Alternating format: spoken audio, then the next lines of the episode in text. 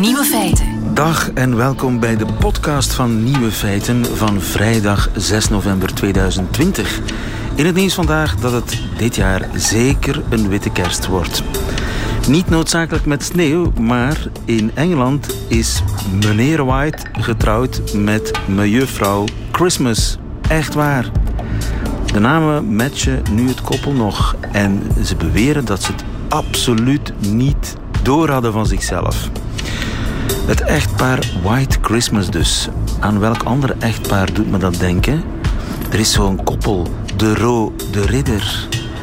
En een ander koppel, de Leeuw van Vlaanderen. En er bestaat zelfs een koppel, Dek mijn billen. Maar die hebben erom gedaan volgens mij. De andere nieuwe feiten vandaag. Donald Trump wordt misschien geen president volgend jaar. Wat gaat hij dan doen? Twitter zet bij elke tweet van Donald Trump tegenwoordig, of bijna elke, een waarschuwing. Dit is niet waar. Maar wie bij Twitter beslist dat? Er zijn mensen die roze eekhoorns door de lucht zien vliegen. Zijn die mensen zot? Of zien ze echt roze eekhoorns? En dokwerkers maken 50% meer kans op dementie later. Dokwerkers en andere mensen, mannen met een heel zwaar beroep. De nieuwe feiten van Nico Dijkshoorn hoort u in zijn middagjournaal. Veel plezier. Radio 1. Nieuwe feiten. Donald Trump die eh, twittert voortdurend dat hij de verkiezingen gewonnen heeft. En opvallend daarbij is dat Twitter Twitter zelf die tweets een waarschuwing meegeeft. Opgepast, de inhoud van deze tweet is niet waar. Wie bij Twitter zou dat eigenlijk doen? Bram van de Putten, goedemiddag. Goedemiddag. Jij bent ook nog wakker? Ja. Al lange tijd in de, in de weer eh, over de Amerikaanse verkiezingen. Ik zie jou opduiken in allerlei uh, journalen ter zakenstudio's. Maar je bent ook een, uh, niet alleen een Amerika-kenner, maar ook een expert sociale media. Vandaar dat ik jou even gevraagd heb om bij te schuiven. Weet jij wie dat beslist? Wordt daarover vergaderd bij Twitter? Hoe moet ik me dat voorstellen? Daar wordt wel degelijk over uh, vergaderd bij Twitter. Um, over elke individuele tweet van de president? Niet over elke individuele tweet, maar we kunnen wel uh, reconstrueren, want het is trouwens niet de eerste keer. Nu worden de, de meldingen in snel tempo uh, afgevuurd bij, bij Donald Trump of bij tweets van Donald Trump. Maar we moeten eigenlijk terug naar mei van dit jaar. Toen is het de allereerste keer gebeurd en toen stond in Amerika toch wel een klein beetje de wereld op zijn kop toen dat gebeurd is. Dat was wel een statement van Twitter. En hoe dat in zijn werk is gegaan, dat kunnen we echt wel bijna tot op de minuut reconstrueren. Het gaat over een tweet die werd verstuurd om 17 over 8 in de voormiddag, om precies te zijn. Dus heel vroeg uh, s ochtends. En uh, redelijk kort daarna heeft, uh, hebben factcheckers die voor Twitter werken, dus dat zijn dan journalisten die ook voor andere media vaak dingen dubbelchecken en controleren, die hebben toen aangegeven aan, bij Twitter van hier is iets fout met die tweet. Dat ging over het feit dat stemmen per brief dat dat fraudeleus was, iets wat nu nog altijd terugkomt bij Donald Trump. Um, die melding is toen doorgeschoven naar een intern team bij Twitter die uh, ja, uh, beslist over veiligheidsissues rond verkiezingen. Die hebben daar dan gezegd van oké, okay, dit is wel een tweet waar we misschien wel een label, dus een waarschuwing maar moeten... dat is nogal wat, hè? Dat is... De dat aan de president zeggen, u liegt ja, aan het publiek. Ja, dat is wel een fors, uh, een fors statement. En dus dat intern team heeft die beslissing dan doorgeschoven naar echt de chef van Twitter, de grote baas Jack Dorsey. Dus die beslissing is op zijn bureau terechtgekomen. En hij heeft dan beslist van, oké, okay, we gaan hier een melding bijplaatsen. En dat was ongeveer in de middag. En om dan heel precies te zijn, om half vijf in de namiddag is dan die allereerste melding bij die tweet van Donald Trump ja, terechtgekomen. Dus daar zaten meer dan acht uur tussen. Ja, ja waarbij die tweet allerlei uh, bureaus gepasseerd is op ja. Twitter, tot op het bureau van de grote baas, de ja. CEO zelf, die gezegd heeft, weet je, we zeggen tegen de president, u liegt. Mm -hmm, inderdaad. Dat, de, de, president was daar niet blij mee. Nee, die was daar absoluut niet nee. blij mee. Dat is ook het moment waarop uh, Donald Trump had aangekondigd, we gaan strenger zijn rond sociale media, er moeten maatregelen komen.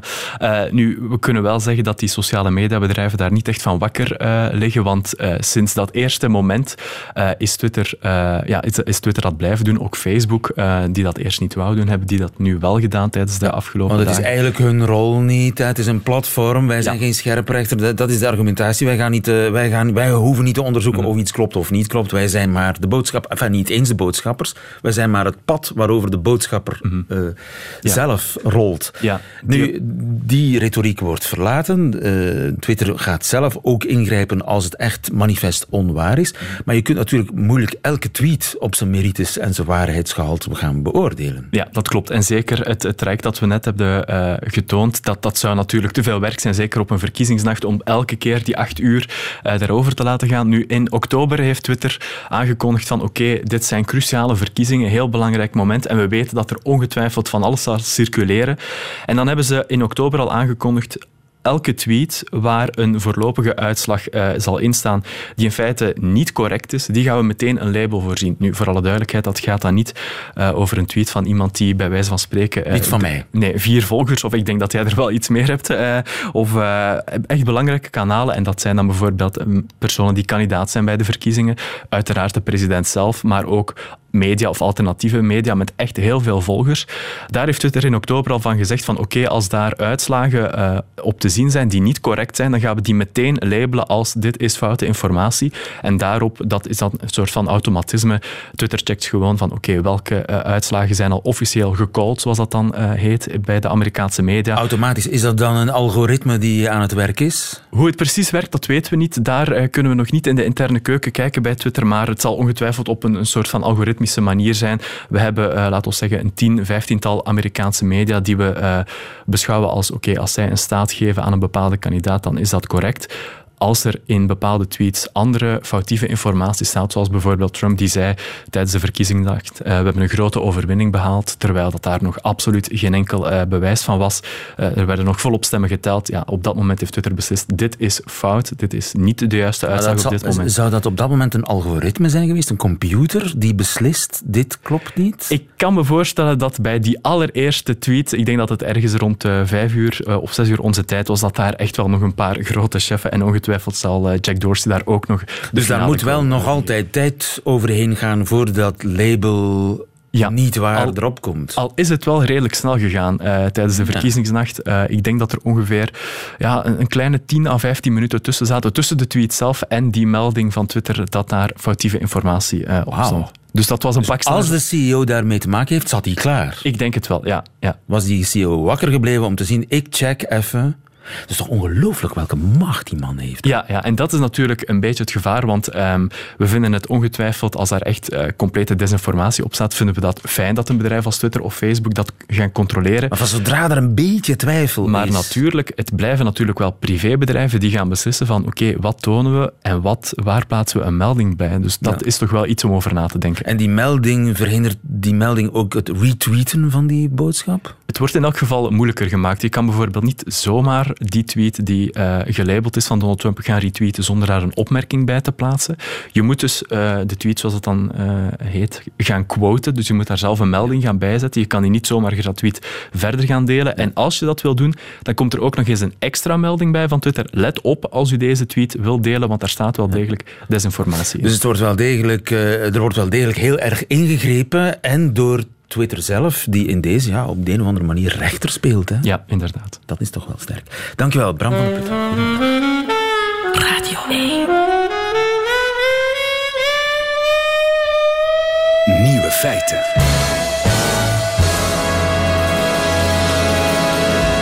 Donald Trump is de beste, althans volgens Donald Trump. Nobody's stronger than me. Nobody has better toys than I do. There's nobody bigger or better at the military than I am. Nobody loves the Bible more than I do. Nobody builds walls better than me. Nobody's better to people with disabilities than me. Nobody's fighting for the veterans like I'm fighting for the veterans. There's nobody that's done so much for equality as I have. There's nobody more pro-Israel than I am. There's nobody more conservative than me. There is nobody that respects women more than I do. Ja, en zo kan hij nog een hele tijd doorgaan. Donald Trump kan alles beter dan een ander, behalve één ding. Dat is verliezen. Winning is easy. Losing is never easy. Not for me, it's not. En de vraag is, wat gaat hij nu doen als hij de verkiezingen toch verliest. Michiel Vos, goedemiddag. Goedemiddag, lieve. Onze huisamericaan. Hoe groot is nu de kans dat Donald Trump president blijft op dit moment? Die kans is in het afgelopen uur wel een stuk kleiner geworden. Want Biden lijkt nu de staat Georgia ook achter zich te scharen. En ligt nog niet officieel op 270, het magische getal aan kiesmannen dat hij moet halen. Maar hij ligt nu volgens die peilingen op 269. Dan heeft hij nog maar één andere staat nodig van de overgebleven drie na Georgia.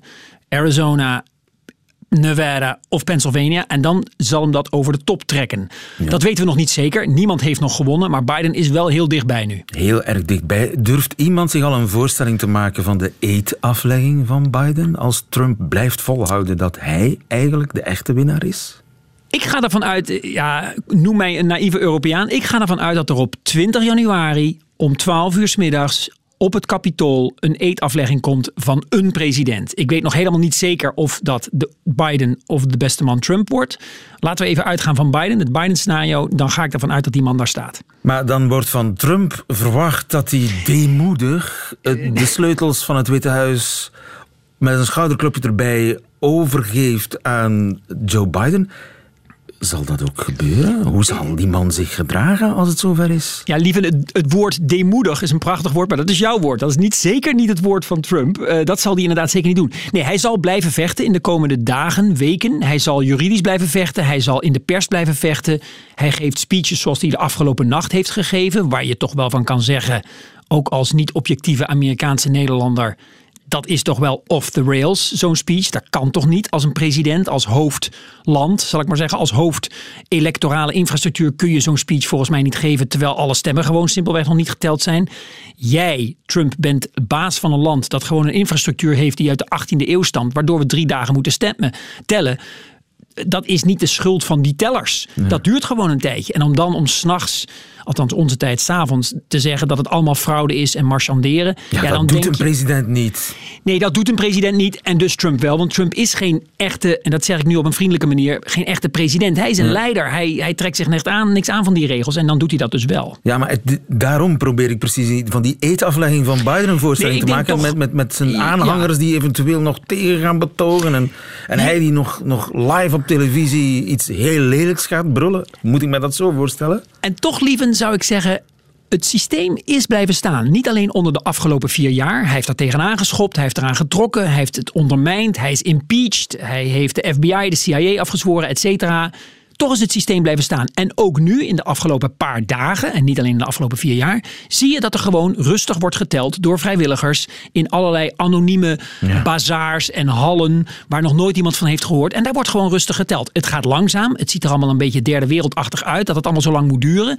Maar er wordt geteld terwijl er een president is die daar tegenaan schopt. Want vergeet niet, we kijken naar Verkiezingen in afzonderlijke staten. De staten zijn de baas van hun verkiezingen. Je kijkt eigenlijk naar 50 afzonderlijke verkiezingjes.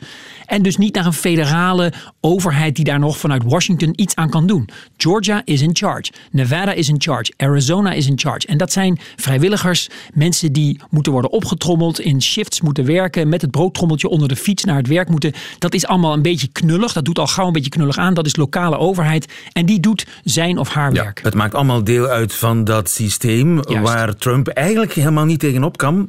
En je ziet ook dat datzelfde systeem, als ik de Republikeinse Partij daar mag bij rekenen, begint zich stilaan te distancieren. Fox News begint zich stilaan te distancieren.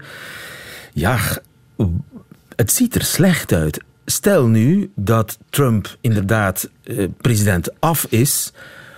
Wat gaat hij na 20 januari doen? Ja, dat vragen we ons allemaal af. Hij zou heel makkelijk, als hij dat wil, stel dat hij verliest, in het scenario dat hij verliest, heel invloedrijk kunnen blijven binnen de Republikeinse Partij. Hij heeft meer stemmen gehaald dan vier jaar geleden. 69 miljoen zit hij geloof ik op nu. Dat is meer, 4 miljoen meer dan vier jaar geleden. 93% van de Republikeinen stemt op hem. Hij is dus, men is loyaal aan hem. De helft van het land, zeg maar, is het eens met hem. Vindt het allemaal prima wat hij de afgelopen vier jaar heeft gedaan. Hij zou een kingmaker kunnen worden. Niet alleen in het politieke, maar ook in het politiek-culturele, in de entertainment. In het, hè, zeg maar, tegenwoordig is niet alleen Washington zozeer toonaangevend voor wie president kandidaat moet worden, maar ook hoe doe je het in de entertainment, in de media, hoe doe je het Ja, online. Een kingmaker, En dat betekent dat hij ja. zelf een opvolger voor- binnen het Trumpisme naar voren zou kunnen schuiven. Ja, dat. Of dat mensen eh, naar eh Mar-a-Lago komen to kiss the ring. Hè, zoals we bij de pauze op bezoek gaan om de ring te kussen. Dat je de zegen moet hebben van de voormalig president Donald Trump. Die onder een palmboom eh, met een Manhattan naast zich in een glas zegt. Oké, so what do you got? En zal ik mijn Twitter achterban van 88 miljoen laten weten dat ik jou steun of jou steun. Dat zou heel goed Maar kunnen. dan ga je vanuit dat hij niet zelf zichzelf tot koning kroont in 2024 of een poging zal doen om terug te keren als dat laatste, dat laatste kan ook. Hij zou een poging kunnen wagen. Ik ben nooit zo overtuigd dat de truc die je één keer uithaalt, en dan truc is een beetje een flauw woord, maar in 2016 deed hij het natuurlijk heel goed en won die. Het is altijd moeilijk om dat te kopiëren. Dat zie je nu al in 2020, want het lijkt er nu op dat hij gaat verliezen. Ik denk dat het nog moeilijker wordt, dan is hij ook weer ouder, om dat nog eens een keer te kopiëren in 2024. En dan zijn er ook weer nieuwe uitdagers. Dan zijn er ook mensen zijn binnen de Republikeinse Partij die het opnemen min of meer tegen of half tegen het Ru- Trumpisme. Ja, want eh, wij Europeanen kijken daar anders naar. Maar ja, als, als bij ons in, in, de, in de een eh, renner eh, te vroeg zijn handen in de lucht gooit, terwijl de echte winnaar over de streep rolt. Ja, dat, die renner gaat onder een steen van schaamte. Een slechte verliezer. Niets is zo gênant als een slechte verliezer zijn. Gaat dat ook niet aan hem blijven kleven de komende jaren? Normaal gesproken wel. We don't like losers. En hij zegt het ook heel mooi over zichzelf. I don't like losing. It's difficult for me. Dat is ook wel zo. Ik denk dat dat heel moeilijk voor hem is. Toch zou hij het verlies proberen af te schuiven en kunnen afschuiven op wellicht het systeem. Daarbij horen tegenwoordig zelfs voormalige trawanten als Fox News. Het systeem was tegen mij, er werd te lang geteld. Er waren allerlei staten met rare regels. Ik ben zeg maar uit het ambt gesysteemd. Ja. En dan probeert hij het met die boodschap, hè, een soort van geuze, als ik dat woord in het Vlaams mag gebruiken, hè, een geuze Amerikaan te blijven voor zijn aanhang. En dan zou hij het op zich nog wel eens een keer kunnen proberen. Hij zou op zijn minst eh, invloedrijk kunnen blijven, als hij, dat wil. Hè. Hij blijft een merk. Ja, natuurlijk. Hij is, een, hij is wat dat betreft een supermerk. Ik bedoel, ik geloof wel alleen Kim Kardashian, zeg maar, een beter merk is in Amerika, om even iets heel flauws te zeggen, dan, dan Donald Trump. Ja, het zou ook kunnen zijn dat hij naar het buitenland vertrekt. We weten het niet. Het zou ook kunnen zijn dat hij zegt, the hell with this, I'm done.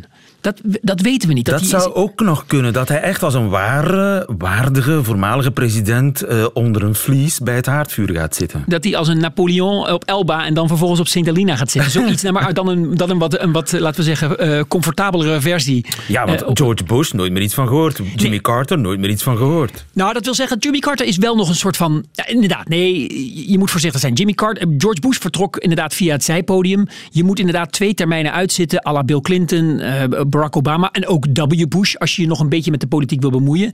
Ehm, dat is denk ik niet zo zijn ding. Hij zal toch wat meer in het, laten we zeggen. Politiek-culturele, in de brede massa, in die dikke brei van ook een beetje entertainment, show, flash. Daar zal hij zich in willen mengen de komende vier jaar. Je kunt je voorstellen, lieven, dat elke cameraploeg eens in de maand naar Mar-a-Lago gaat. En daar zit dan de man met oranje haar onder die palmboom. En die zegt dan: The president is crazy, this is ridiculous, uh, he's a fool, Hunter Ja. Biden is corrupt. Weet je wel, dat kan ik me zo voorstellen. Ja. En dat is natuurlijk goede televisie. Goede televisie en eh, ja, heel vervelend voor president Biden, als Ja. ik hem eh, zo mag noemen. Nee, nog niet. Nog niet, bijna. Je, je, maakt nu die fout van de, Ja, de renner ja. op de meet. Dat kan niet, hè? Dat kan niet, hè? De, renner op de we Nee, nee, nee. Wij, moeten, wij zijn eh, keurige journalisten. Wij, eh, er is maar een winnaar tot er een winnaar is. Ik bedoel, als er een winnaar is, komt, is er een winnaar. Zoiets. En niet eerder. Heel goed. Da- Dankjewel, Michiel. Geen dank. Michiel Vos, goedemiddag. Dag.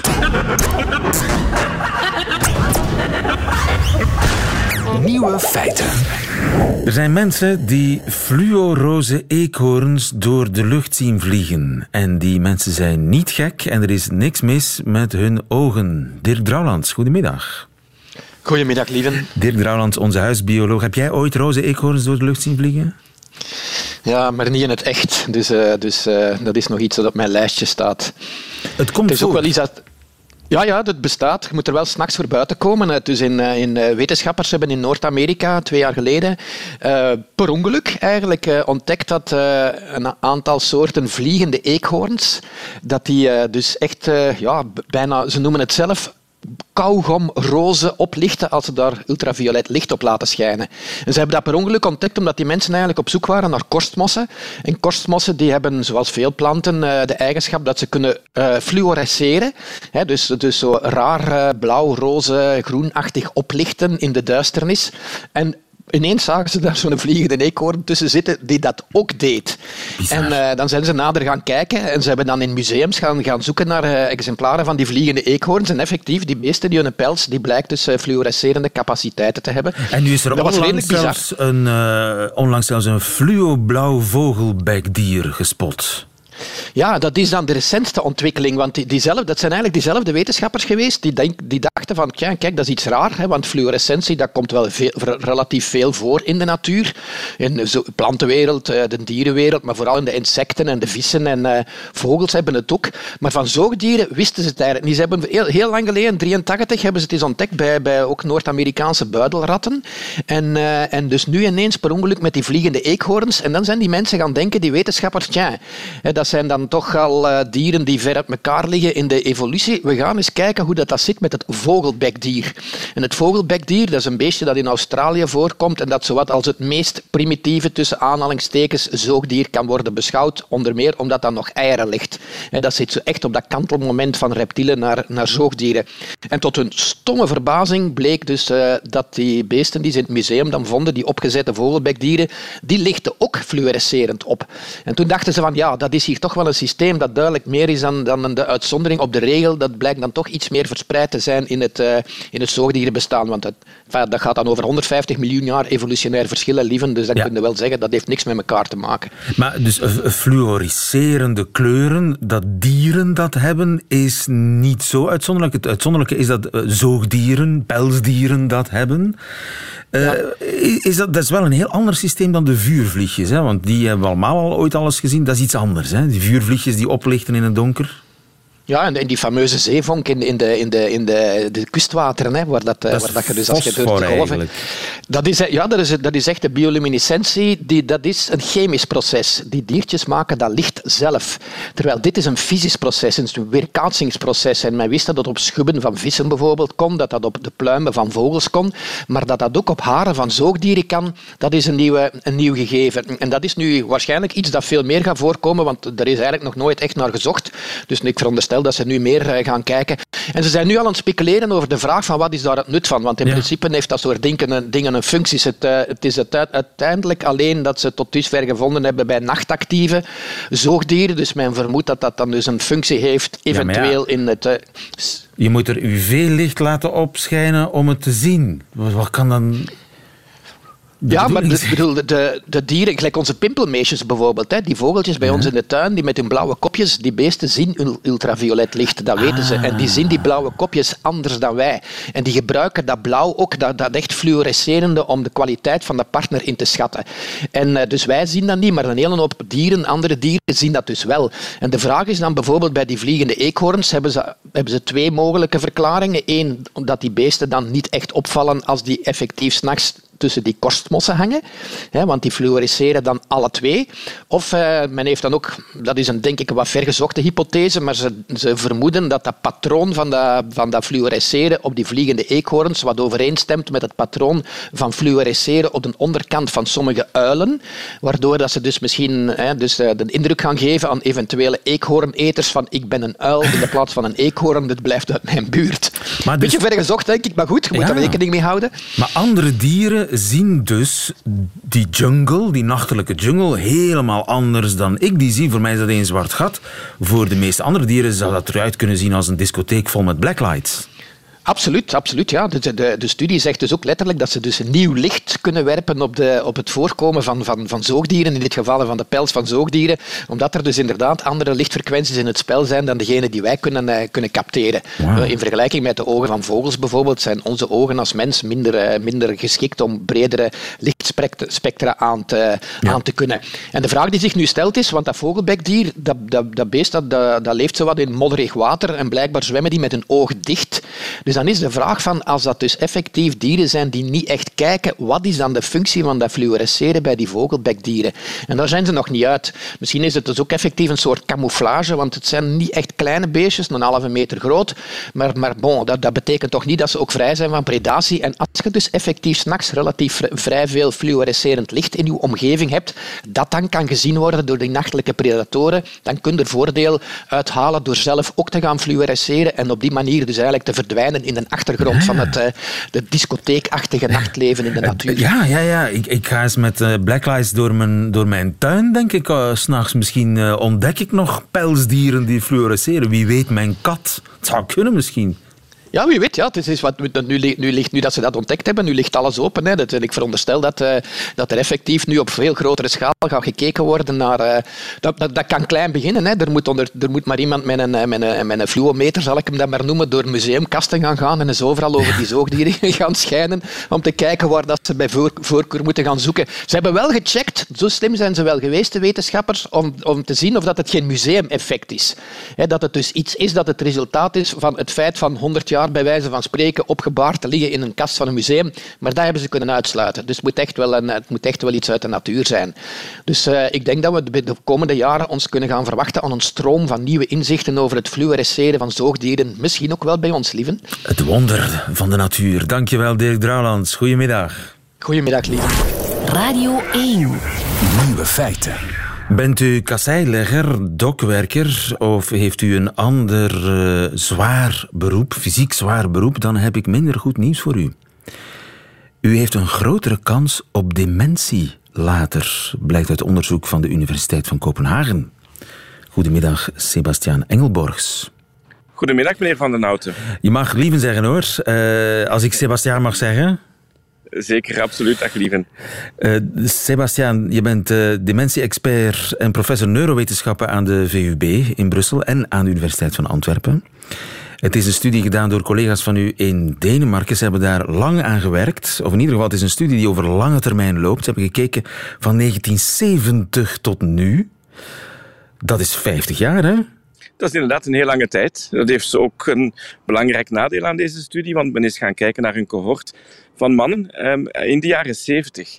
En tussen de jaren 70 en nu is er gelukkig veel veranderd. We letten veel meer op levensstijl. Onze preventie van hart- en vaatziekten is veel beter geworden ten opzichte van die tijd. Ja, het gaat om uh, bijna 5000 Deense mannen met uh, een zwaar beroep, zware fysieke arbeid. Uh, voeren die mannen uit. En blijkt uit die Deense studie dat die mannen 55% meer kans hebben op dementie. Is daar een verklaring voor? Wel, dat is verrassend, hè? want we gingen er altijd vanuit dat lichaamsbeweging, fysieke activiteit, dat dat gezond is, dat dat uh, goed is om ons dementierisico, maar ook het risico op hart- en vaatziekten te verminderen. En deze studie toont aan dat dat niet noodzakelijk zo hoeft te zijn. Uh, dus dat het type van fysieke activiteit eigenlijk ook belangrijk is. En dat is vrij nieuw. En hier gaat het dus om mannen die in het kader van hun beroep fysieke arbeid verrichten. Um, en waarschijnlijk, dat is een vermoeden, dat moet bevestigd worden, blijkt dat uh, zogenaamde aerobe inspanningen, dus inspanningen die je langer kunt volhouden, zoals joggen uh, of fitness, dat die eigenlijk gezonder zijn om uw dementierisico en uw risico op hart- en vaatziekten te verminderen dan kortstondige, heftige fysieke inspanningen in het kader van een beroepsactiviteit. Dus laten we zeggen, gewicht heffen is uh, slecht voor uw dementie later, maar joggen is goed. Zoiets. Zachtjes joggen ja. is goed, maar kortstondige piekinspanningen die zouden wel eens een negatieve invloed kunnen hebben op uw geestelijke gezondheid. Zou kunnen, hè, zou kunnen. Het is ook zo dat in dat cohort van mannen in de jaren 70, het gaat hier om lager opgeleide mensen met een ongezondere levensstijl um, dan uh, andere bevolkingsgroepen. Dus in deze groep van mensen die men heeft bestudeerd, werd er meer gerookt, meer gedronken, alcohol gedronken bedoel ik dan. Die hadden ook een hoger lichaamsgewicht, een hogere body mass index.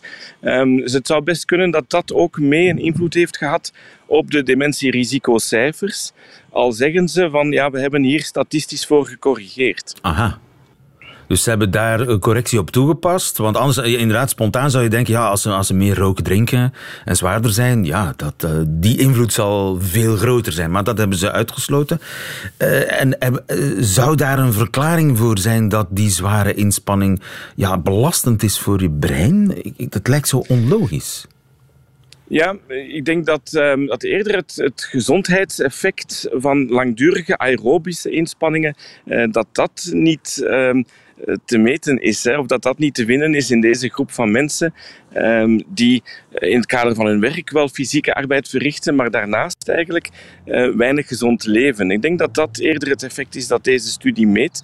Maar nogmaals, dat zijn veronderstellingen. Ja. Ik denk dat deze studie wel deuren opent voor toekomstig onderzoek en dat we in toekomstig onderzoek moeten gaan kijken van welke fysieke activiteit gaat nu letterlijk of werkelijk eh, ons, eh, ons risico op dementie kunnen verminderen. Inderdaad, ja, want in de jaren zeventig, al die mensen die uh, in de bouw werkten of in de haven of op straat, die ploften na gedane arbeid uh, moe maar voldaan in hun zetel om televisie te kijken.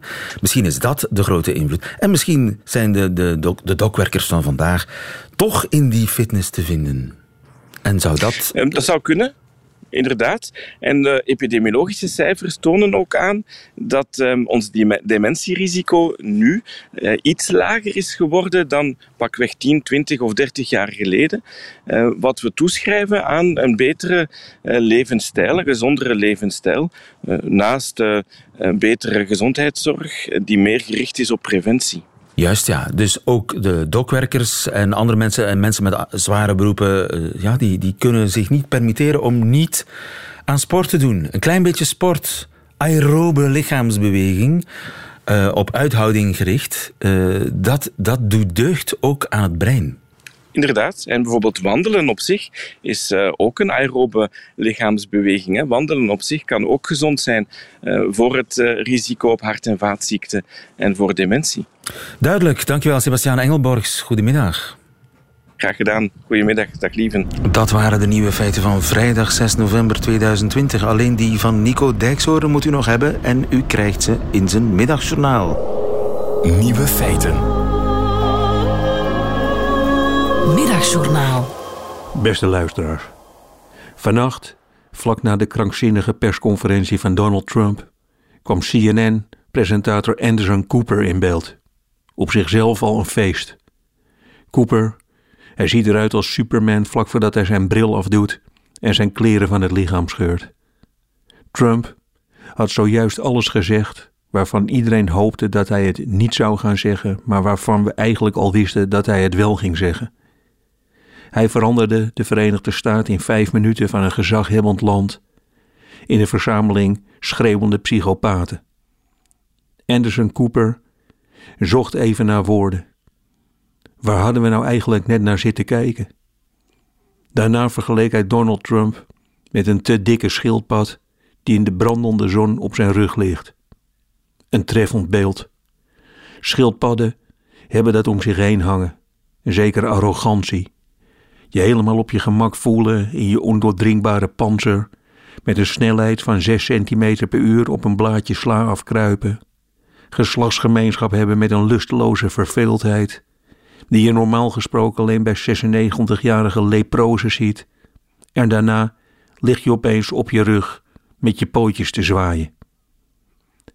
Er wordt op social media nu schande gesproken van die vergelijking. Zoiets hoort een journalist niet te zeggen maar daar ben ik het niet helemaal mee eens. Eigenlijk zit ik al bijna vier jaar te wachten tot een van de uitgekafferde journalisten zijn geduld verliest en Donald Trump de huid vol scheldt. Ik vind het eigenlijk wel mooi dat Trump, of hij nu herkozen wordt of niet, voor altijd de dikke wanhopige schildpad zal blijven. Dat beeld zal blijven hangen. Ikzelf hield mij staande en ik hield mijn voeten binnen door steeds maar te denken aan het volgende. Donald Trump in zijn bed. Zijn televisie aan. En op alle zenders dreigt hij te verliezen. Dan opeens daalt het in, het besef. Wanneer iemand een jaar geleden geen levende vleermuis had geslacht, dan zou Joe Biden zijn verpulverd Luisteraars, ik denk er sterk aan om meer rauwe dieren te gaan eten. Over een jaar bent u mij dankbaar.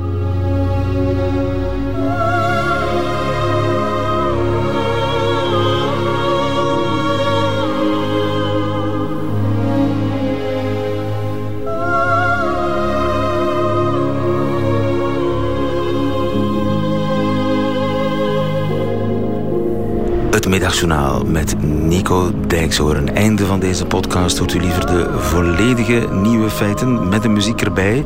Dat kan natuurlijk ook via onze site of via onze app. Daar vindt u overigens nog veel meer fijne podcasts. Tot een volgende keer.